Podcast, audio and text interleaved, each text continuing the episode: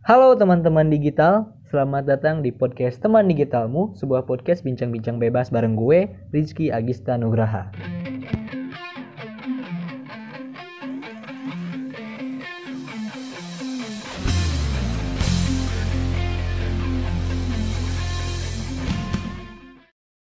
Pada episode pertama kita kali ini, gue akan ngebawa edisi BBQ, belajar bareng gue.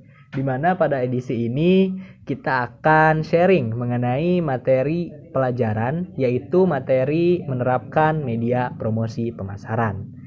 Nah, teman-teman pasti sering ngeliat pada saat lagi main YouTube, lagi main Spotify, kalau belum premium suka ada iklan-iklan yang ngeganggu.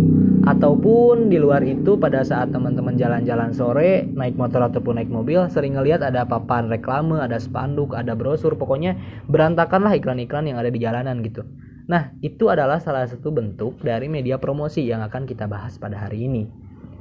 Jadi, eh, mungkin lebih baiknya kita kenalan dulu deh sama media promosi itu apa kenapa sih harus dibahas sepenting apa gitu ya jadi media itu adalah sebuah saluran yang digunakan untuk menyampaikan informasi ataupun pesan Nah, promosi adalah suatu kegiatan komunikasi kepada konsumen yang bersifat mempengaruhi, mengajak, ataupun menawarkan.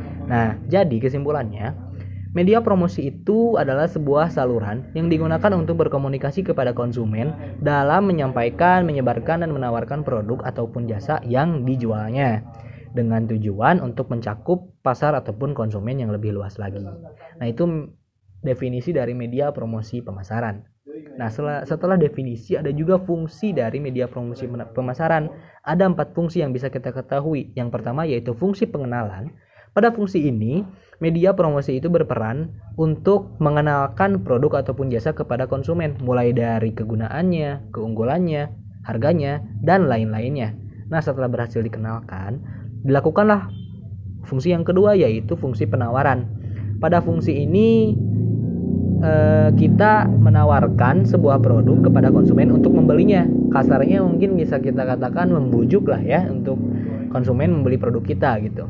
Nah, yang ketiga yaitu penjagaan. Fungsi penjagaan ini maksudnya adalah setelah berhasil menggait konsumen untuk membeli produk ataupun jasa kita, kita wajib untuk menjaga konsumen itu biar membeli pada saat produksi yang selanjutnya atau bisa kita katakan bahasa kerennya yaitu repeat order.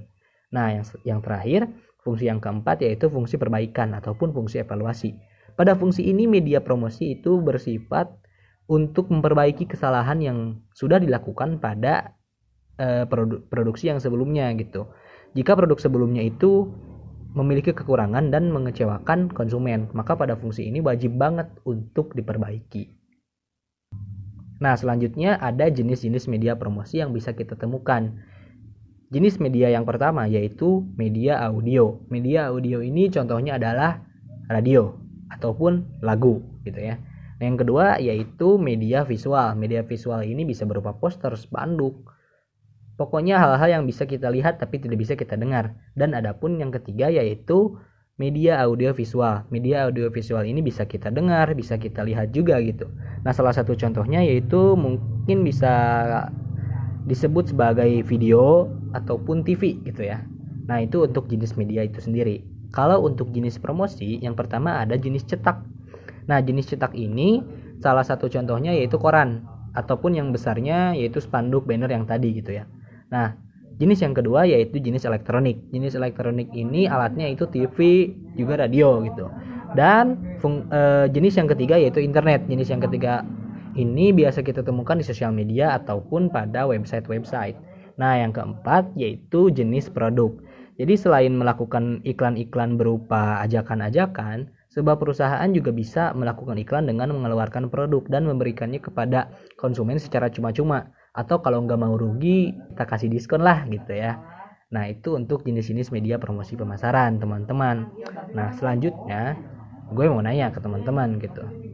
Pernah nggak sih ngeliat di Instagram ada jualan online dia tuh udah melakukan promosi dengan baik gitu. Tapi konsumennya sepi. Di sisi lain ada yang konsumennya luas gitu konsumennya rame gitu.